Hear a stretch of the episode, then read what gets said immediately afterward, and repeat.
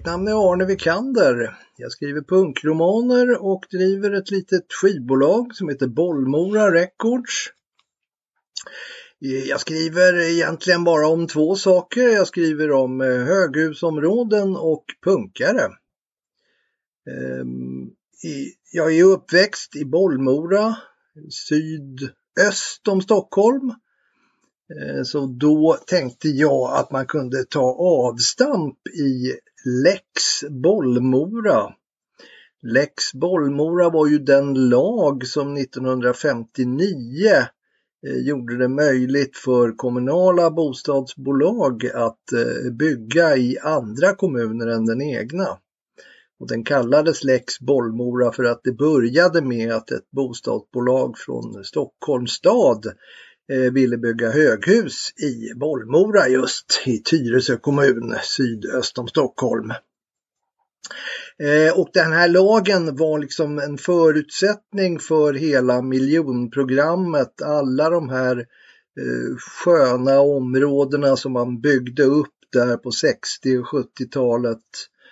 Blåkulla i Solna, Fisksätra, Hjulsta, Rinkeby, Flämpan, Skärholmen, Bredäng, Vårby, Fittja, Alby, Norsborg, Brandbergen och Bollmora.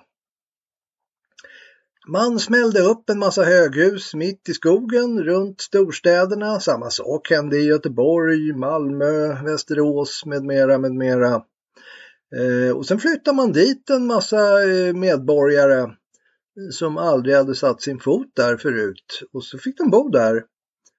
Ehm, och för dem, för många av dem var ju det där liksom materiellt var ju standarden fantastisk. Man hade ett badkar och man hade en egen, ett eget badrum och slapp dela med någon och sådär. Um, kulturellt kunde det väl vara lite torftigt, möjligtvis. Uh, det tyckte väl åtminstone vi som ju föddes där på 60-talet. Ehm, vi var ju de första riktiga förortsborna.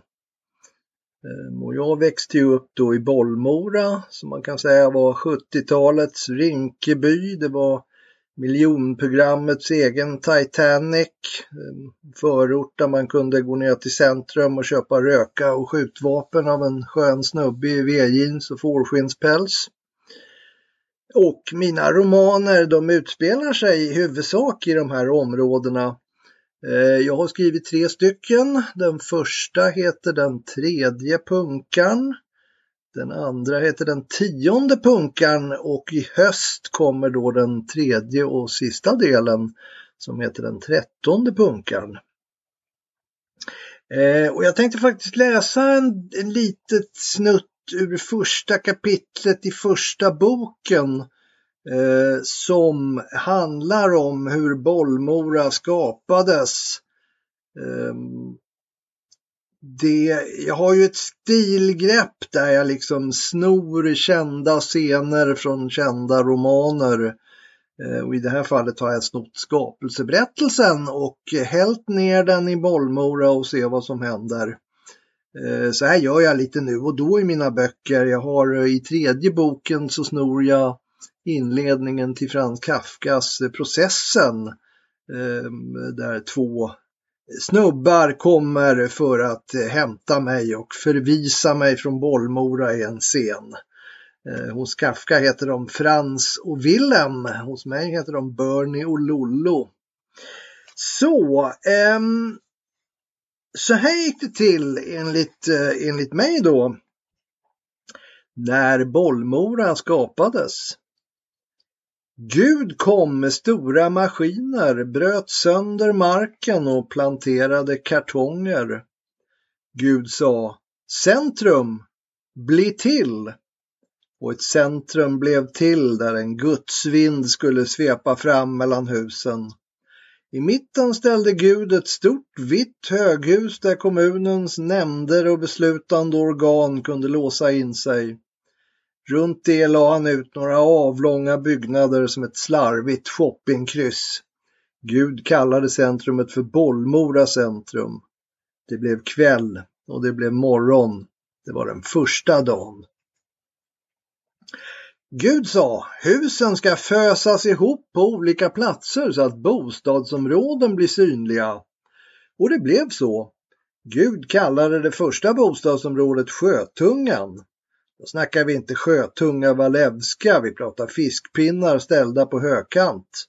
Men Gud ville inte kalla området för Fiskpinnen. Det blev kväll och det blev morgon. Det var den andra dagen. Gud sa, jag bygger ett likadant område fast med knallröda hus. Gud vet var han fick det ifrån. Gud kallade området Bollmora berg eftersom det låg som på en höjd eller en ås i landskapet. Och Gud såg att det var rött. Det blev kväll och det blev morgon. Det var den tredje dagen. Gud ansåg att högre tjänstemän och andra med lite mera stålar på fickan inte kunde bo i stora kartonger. Gud sa, jag ger er mindre fristående bostadslådor med gräsplätt och garage. Gud kallade området Fårdala. Här skulle Hasse, Lasse och Bosse bo. Fast inte mitt i bräkeriet utan på fårsluttningarna runt om. Det blev kväll och det blev morgon. Det var den fjärde dagen. Gud sa, Bollmora ska frambringa olika arter av levande varelser, ABAB-vakter, bussförare och andra vakter och andra förare. Dessa måste också hållas någonstans och Gud skapade Sikvägen.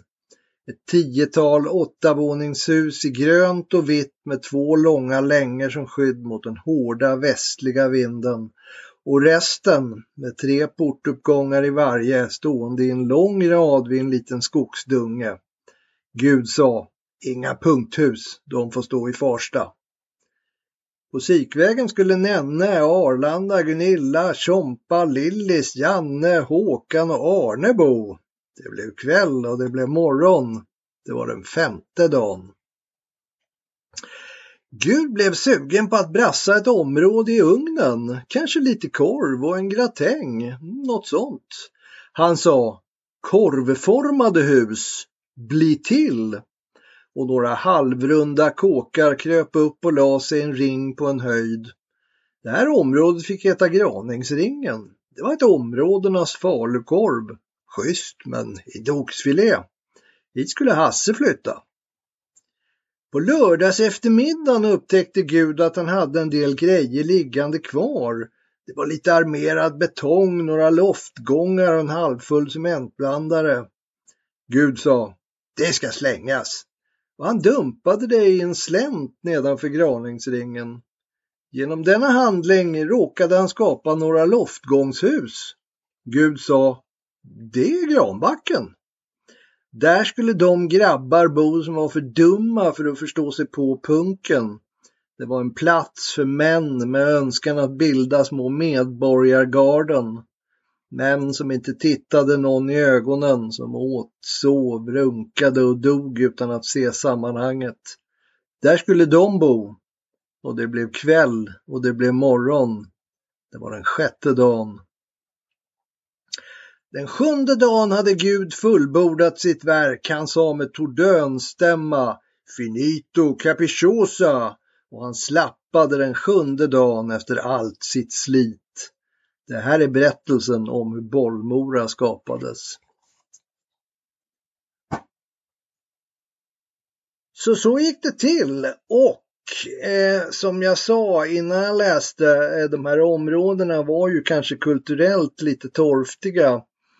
Ehm, man kunde spela fotboll om man var bra på fotboll, annars fick man inte vara med. Man kunde spela hockey om man var bra på hockey, annars fick man inte vara med. Man kunde spela hårdrock om man var bra på sitt instrument, annars fick man inte vara med.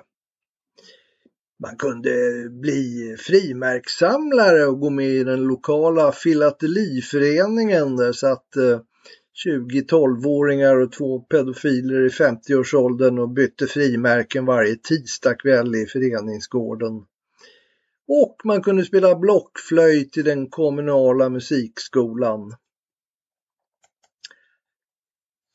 för oss som inte liksom platsade i de här eh, sammanhangen så blev det väl mycket så att man drev runt i områdena, ägnade sig åt något som jag brukar kalla för planlösa förflyttningar i höghusområdena. Från Sikvägen till Bollmora centrum och vidare till Bollmora berg. Och gick man upp till Graningsringen och så gick man tillbaka till Sikvägen, kanske via Sjötungan långa eftermiddagar i OBS-klassen. Man tittade ut genom klassrumsfönstret, tänkte inte på någonting. Tiden stod nästan still. 1978 kom ju punken till Stockholm. Eh, internationellt brukar man ju säga att punken kom 1977 men eh, det var en viss eftersläpning på den tiden. Ehm, visserligen Incest Brothers hade väl någon spelning 1977. Imps lirade på någon eh, skolfest ute i Fisksätra. Four Mandarins gjorde en punksingel redan 1977 men eh, i Stockholm kan man säga att det var först 1978 som det började hända grejer på allvar. Um, jag bodde ju som sagt ute i Bollmora på den tiden. Jag kände två bröder som i min första roman Den tredje punkan går under namnen Hasse och Lasse. De hette ju egentligen Johan och Anders. Eh, och de här två snubbarna var de första jag kände som klippte sönder sina kläder, färgade håret och började lyssna på punkrock.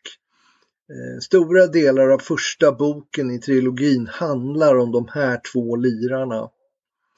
Eh, men vartefter sen så dök det upp allt fler punkare och jag började umgås med dem. Det var första gången i mitt liv som jag träffade människor som faktiskt betydde något för mig. Som gjorde intressanta saker. Som hade något att säga och som inte dömde ut den som dessutom lyssnade på bra musik. Så jag blev också punkare. Att bli punkare 1978, eh, det var liksom att medvetet kapa trossarna till civilsamhället och ställa sig helt utanför. Ingen annan ville ha något att göra med en, man blev helt fredlös. Eh, det innebar dels att sammanhållningen i gruppen var stor eftersom hotet liksom utifrån var omfattande. Då pratar jag inte bara om raggare, alltså i Stockholm var väl inte raggare något större problem. Um, höll man sig bara borta från, eh, borta från um, Kungsgatan på lördagkvällar så, så klarar man sig väl hyggligt bra från raggare utan jag pratar om vanliga medborgare, vanliga svenssons Eh, gamla tanter kunde ge sig på en på tunnelbanan och börja slå en med paraplyet. Ingen skyddade en, ingen ställde upp på en, man var helt utlämnad åt sig själv. Och som punkare 1978 så rörde man sig ogärna ensam på stan. Man ville umgås i större gäng som man kunde försvara sig. Men punk handlar ju förstås om musik Punk handlar om punkrock. Um, om man eh, plockar upp 2500 tonåringar som inte kan spela och låter dem bilda band så kommer det hända massa saker. Mycket lät ju förstås skit. Men det skapades också musik som var helt annorlunda än allt annat. Eh, man började liksom utan några förutsättningar alls och det, det kunde bli precis vad tusan som helst. Eh, tittar man internationellt kan man nämna band som eh, The Fall, Swell Maps, Divo Eh, och så vidare och så vidare. Det lät väldigt udda och väldigt spännande. Jag och Hasse och Lasse och eh, en snubbe som lirade trummor i ett band, tidigt Stockholmsband som hette Skabb. Han hette Bosse Lutén. Vi hade ett band tillsammans som vi kallade för Inställt. Tanken var ju att det inte skulle komma någon alls på första spelningen. Ehm, vilka spelar på föreningsgården ikväll? Nej, det är inställt. Ja, fan vad tråkigt. Um, nu hade vi ju aldrig någon spelning, eh, vilket delvis beror på att jag var en eh, fritt svävande trummis. Basisten var kompledig och ja, det blev aldrig bra alltså. Men överhuvudtaget så började det hända saker i det här sammanhanget när punken kom. Man bildade kulturföreningar, Oasen i Rågsved, Puss i Farsta. Eh, ute i Bollmora hade vi en kulturförening som hette Kaktus. Vi bokade bland annat Hörförståelse, ett väldigt udda band. Eh, sångaren högläste texterna till något kantigt komp. Eh, det kom faktiskt en LP med hörförståelse på ett amerikanskt bolag för typ fem år sedan. Eh, Captured Tracks tror jag bolaget heter. Leta upp den där, den är, den är riktigt bra. De gjorde en singel när det begav sig men nu, det kom en LP. Den är, den är faktiskt jättebra tycker jag. Um, spelningar, demokassetter, vinylsinglar, folk gjorde saker. Man skrev fanzin, alltså 13-åringar som ingen trodde kunde åstadkomma någonting gav plötsligt ut egna tidningar. Ehm, punk handlar om att göra saker. Punk handlar om att, att skapa musik i huvudsak. Musik med hakan långt ut. Musik utan hjälm. Ehm, jag brukar säga att där vanliga medborgare bara är intresserade av maskiner och man kan köra omkring med dem bilar, motorcyklar, mopeder, snöskotrar, åkgräsklippare och gud vet allt. Så är en punkare bara intresserad av maskiner om man kan spela musik på dem.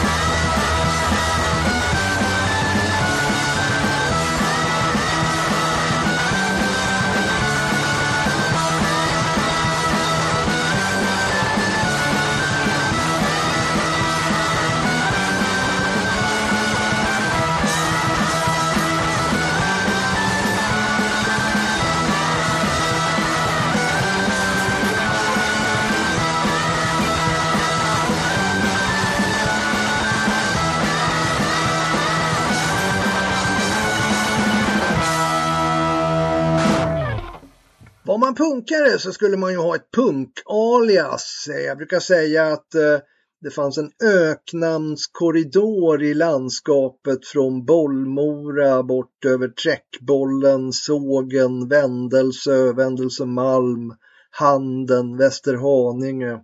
Här hittade man hur många udda snubbar som helst.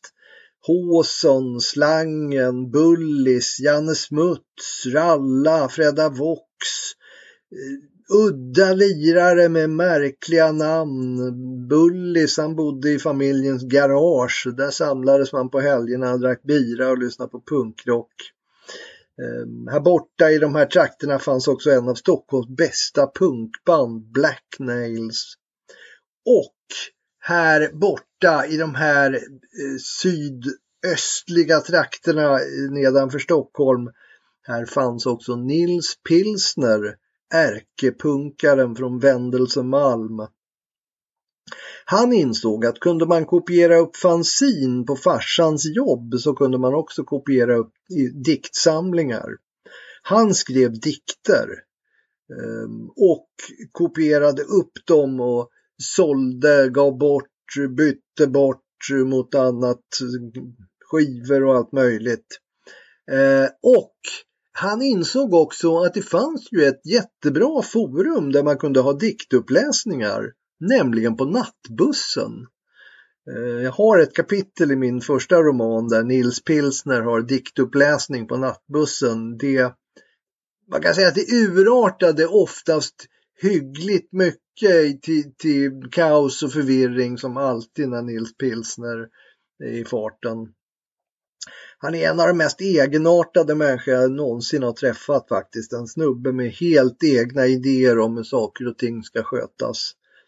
Eh, med skinnpaj, nitbälte och bondagebrallor med stjärtlapp så kom han med bussen från Vendelsemalm ner till, till Bollmora.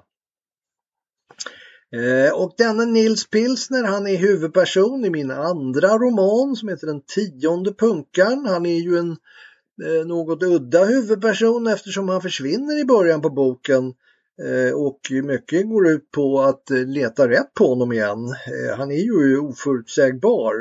Jävla sätt av en huvudperson kan jag tycka att bara försvinna sådär. Men personerna i mina böcker de beter sig inte riktigt som man ska. De mm, gör saker, de säger saker, man får liksom ingen riktig förklaring till någonting. Det, det är bara folk kommer och går. De hinkar bejas och kör på till synes utan att lära sig någonting av någonting. Eh, man kan väl säga att mina böcker är någon slags omvända utvecklingsromaner. Ehm, och i samband med att vi gav ut eh, den tionde punkan, vilket vi gjorde förra året, eh, hösten 2021, Eh, så gav vi också lite på kul ut en samling med Nils Pilsners gamla dikter.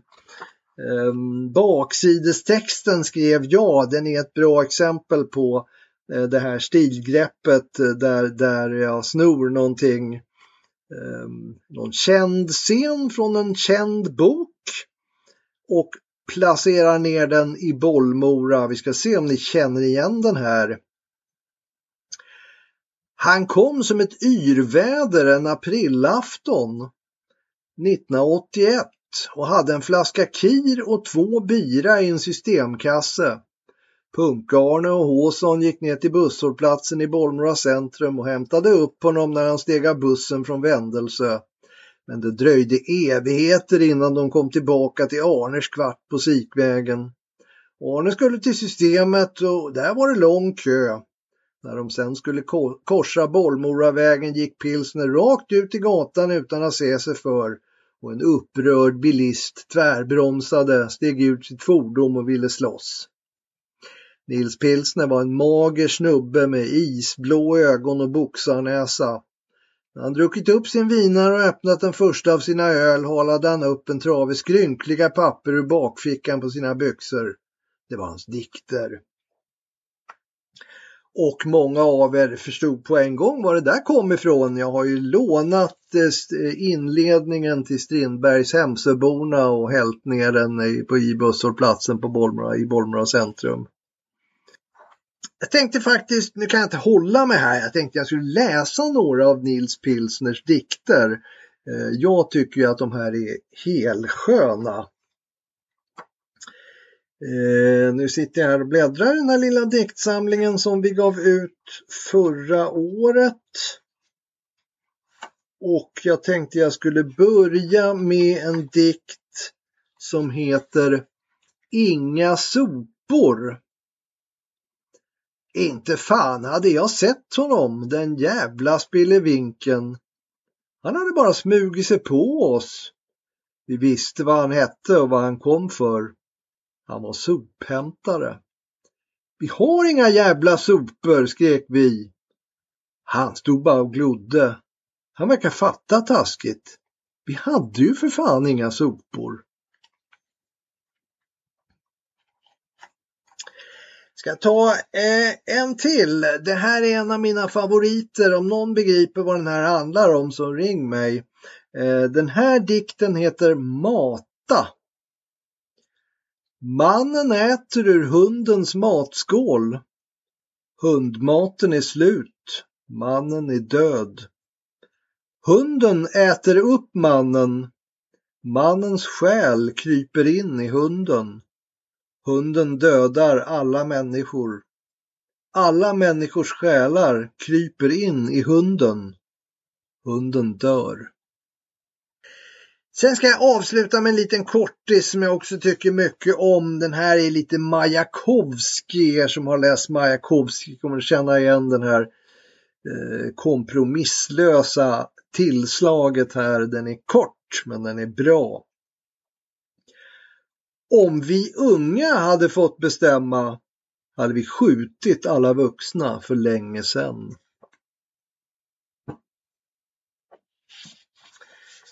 Nils Pilsner skrev inte bara dikter, han skrev också texter till punkbandet Brainscan. Eh, det här var ett band från Bollmora. Det var tre snubbar, eh, det var Lirban, eller Leffe som han heter egentligen, det var Ronny och det var Motorhead-Peter. Eh, det här var tre snubbar som spelade kaotisk HC-punk i kortbrallor. Eh, de var världsberömda i hela Bollmora centrum och delar av Bollmora berg. Ehm, de har vad jag kallar för typiska punktexter, texter om episoder, händelser, lite som 53rd and third, alltså den typen av texter där man, där man får vara med om en liten händelse utan att det sätts in nödvändigtvis i något sammanhang. Alltså en punktext tycker jag, den ska vara självupplevd. Eh, proggarna skrev plakattexter om samhällsproblem så, så rör sig punkttexten i den egna vardagen. Eh, en låt heter Skateboard. Den handlar om en skateboardtävling på gården i Bollmora sent 70-tal eh, som slutar med dramatik. Det slutar med att en snubbe kastar en träsko på en annan snubbe. Eh, en annan låt heter Jesper Nilsson. Eh, den handlar om en vindögd snubbe som de träffar på Hultfredsfestivalen ett år. Eh, och det är klart, träffar man en vindögd lirare och spelar i ett band, ja vad gör man? Man måste ju skriva en text om den här snubben. Um, så är du där ute, Jesper Nilsson och var på Hultsfredsfestivalen någon gång typ sent 80-tal, hör av dig så har vi en skiva till dig.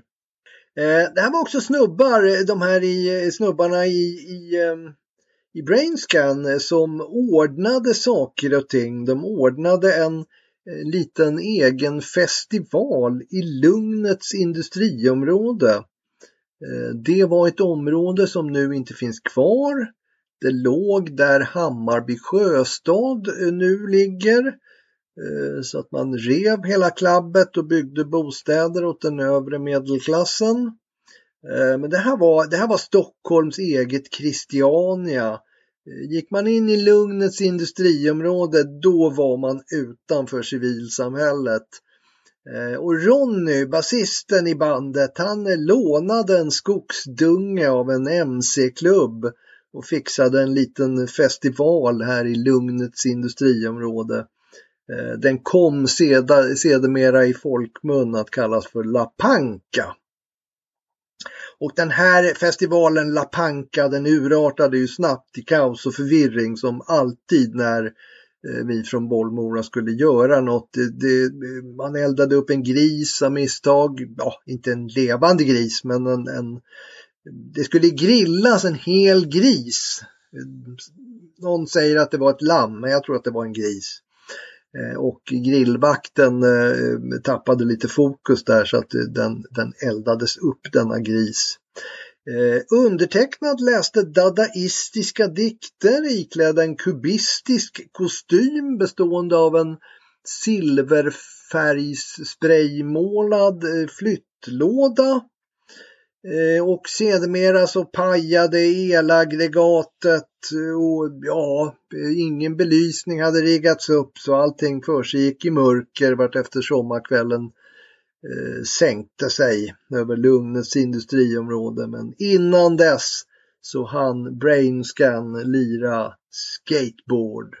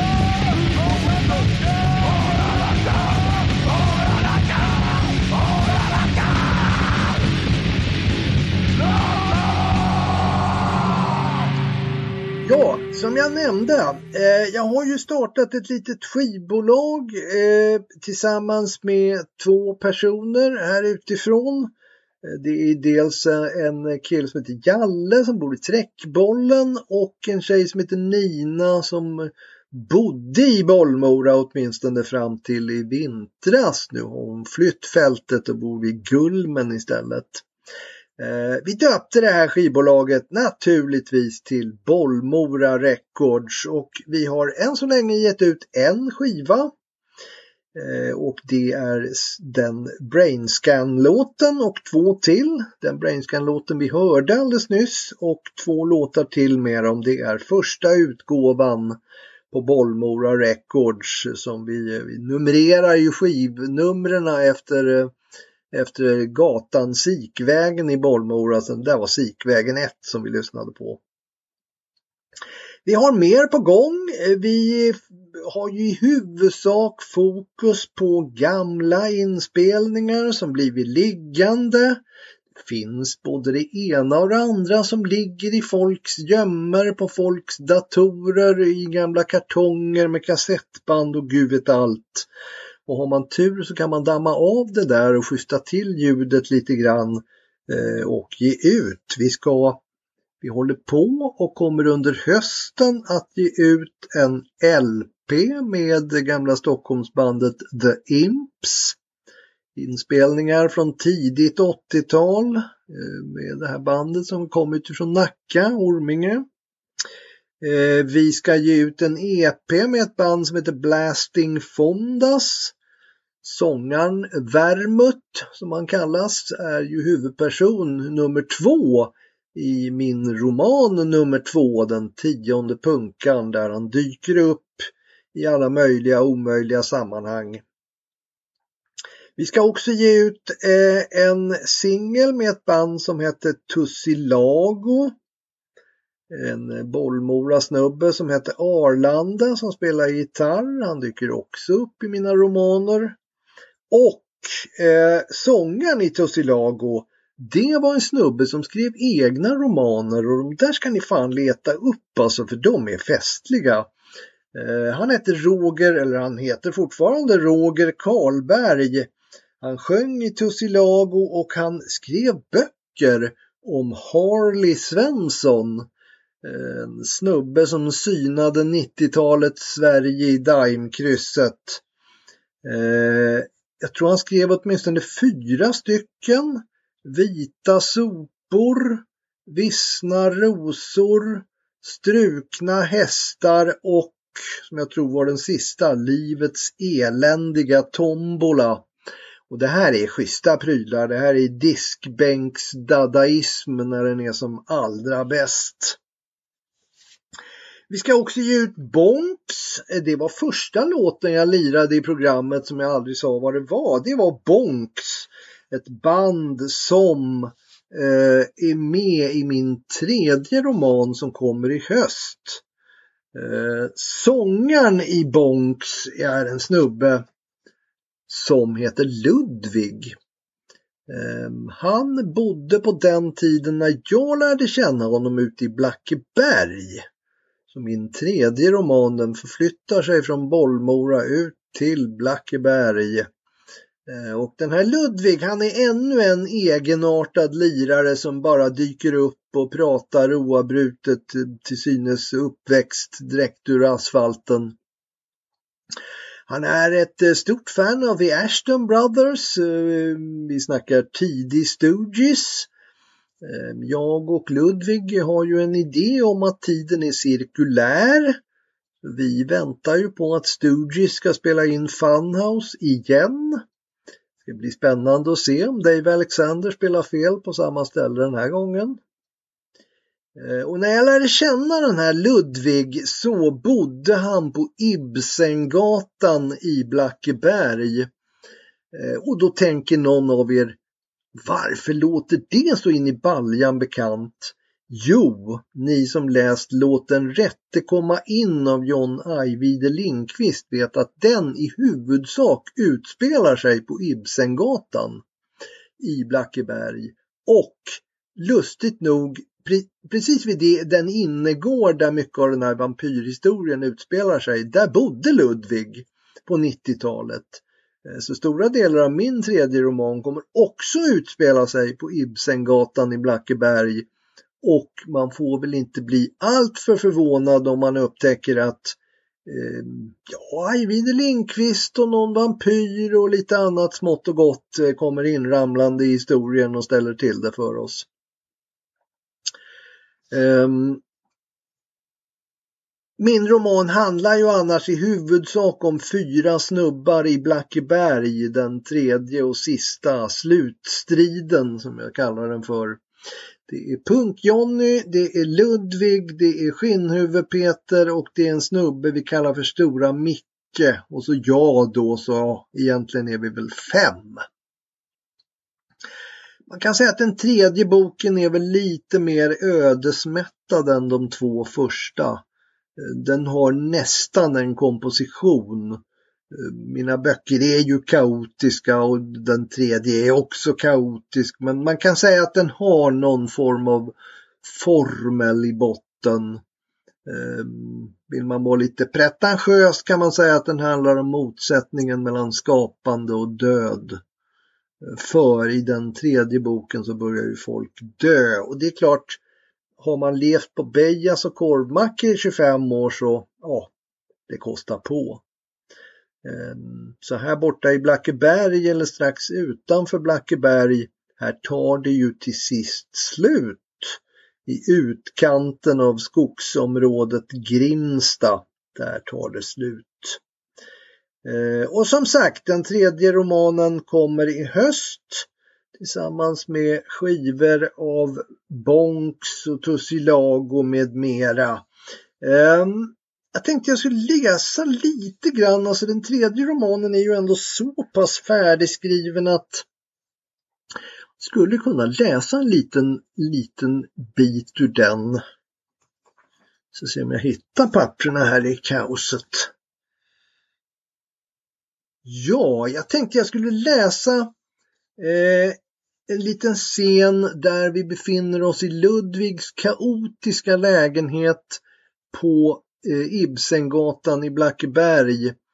Eh, jag har varit vaken några dygn och kommer inramlande på sniskan till Ludvig eh, som eh, sitter i sitt vardagsrum och lyssnar på Cramps på en stor jävla bergsprängare som står i en fåtölj. Och han börjar berätta om sitt nya band samtidigt som han berättar om sitt gamla band. Så här är ju han, alltså han berättar om allting samtidigt. Men det nya bandet han pratar om här, det är ju de Bonks som vi ska ge ut en EP med i höst. Missa inte det för det här var ett jävligt bra band faktiskt. Så, då kör vi! Så du har börjat lira i band igen? Ja, det är skitkul. Vad är det för några du lirar med då? Äh, några snubbar. Robert på gura, Peter på bas, en kille på, från Dalarna på trummor. Och du sjunger? Jag ber publiken dra åt helvete och sjunger lite också. Visste du att jag hade ett band med Stora Micke för ett par år sedan? Och Micke lirat i ett band, det är väl inte hans stil?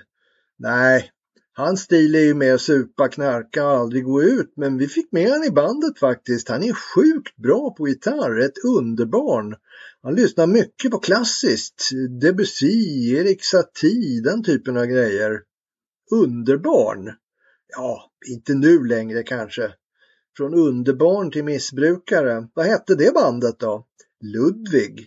Pissbra namn. Det är svårt att vara ödmjuk när man vet att man är bäst. Så är det. Det var jag och Stora Micke och en snubbe som kallas Stora Matte och en flummare på fiol. Fiol? Ska man jävlas med folk så ska man. Under hela samtalet rörde sig Ludvig runt i kvarten som en psykotisk samhällsstädare Tog en vissen krukväxt, ställde den på diskbänken, lyfte ett par köksstolar, satte ner dem igen, drog iväg med en fåtölj, bergsprängaren for i golvet men Cramps öste på. Han kom ut från sovrummet med en jättelik gulblå Ikea-kasse, smutstvätt kanske, som han ställde vid ytterdörren. Flyttade tillbaks fåtöljen till den första platsen, lyfte upp bandan igen, bar iväg med en back LP-skivor. Kan du hjälpa mig att flytta bordet? Jag reste mig, vi lyfte bordet som stod i dörröppningen mellan köket och vardagsrummet bar in det i sovrummet, ställde av det bredvid sängen. Du borde ta lite pulver så du lugnar ner dig. Borde kanske det. Men vad fan, ett friskt beteende är ett i grunden sjukt beteende som inte överdrivits tillräckligt mycket. Så kan det vara. Vet du att Ludvig, bandet alltså, hade en spelning? Åh fan, var då? Jag minns inte. Vi körde inledningsriffen till Open Up and Bleed i 30 minuter följt av en timme Sister Ray. Sen var det någon som ringde mobila psykteamet. Åh jävlar. Jag var den friskaste i bandet. Kan du tänka dig? Blev det fler spelningar? Ingen jävel ville boka oss efter det. Men Bonk ska ha spelningar. Då jävla ska det hända grejer. Och Bonks hade ju sedermera också en spelning som finns med i slutet av den här, den trettonde punkan. Så man kan väl sammanfattningsvis säga att Bollmora Records, eh, vi skiter i kvalitet. Vi ger ut eh, band med medlemmar med sköna punkalias. Eh, I Bonks har vi ju Rock Dude Danielsson och Dallas Piss Persson. I Tussilago har vi Rocky Kalua och Bob Bredäng. Eh, och med sagde Bob Bredäng så är vi ju då tillbaka ner i miljonprogrammets sköna betongområden.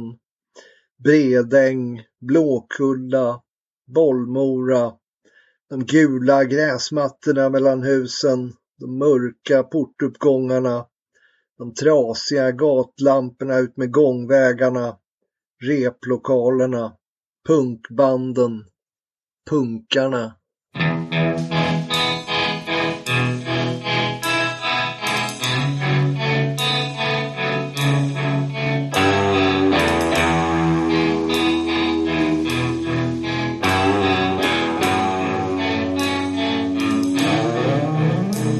En febersjuk vecka i maj Jag var svag då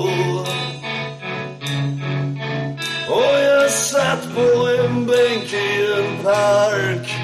Det var över. Och lyckan jag haft i min hand borta sen länge. Inget jobb, ingen tjej, ingenting. Hon fick. So long,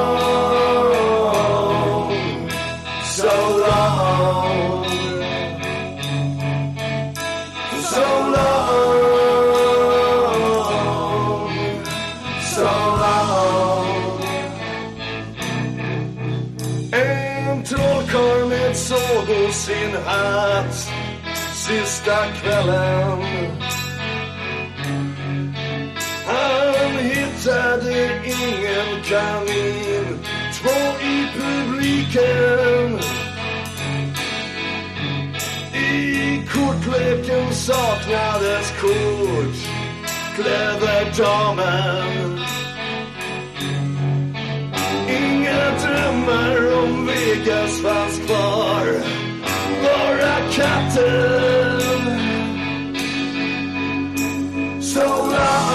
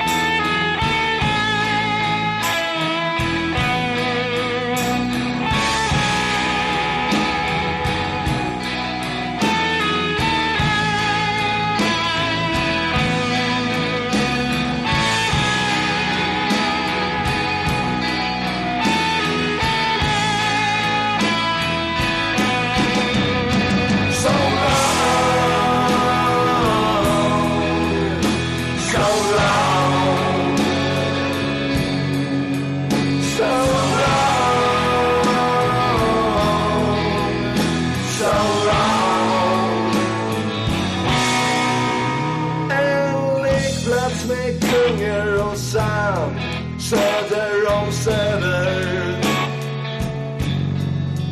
Utan barn, utan skratt, utan skrik Stadigt höstregn. En traktor med män i orange Kom allt närmre. Det skulle vara klart innan lunch i en natt med mörker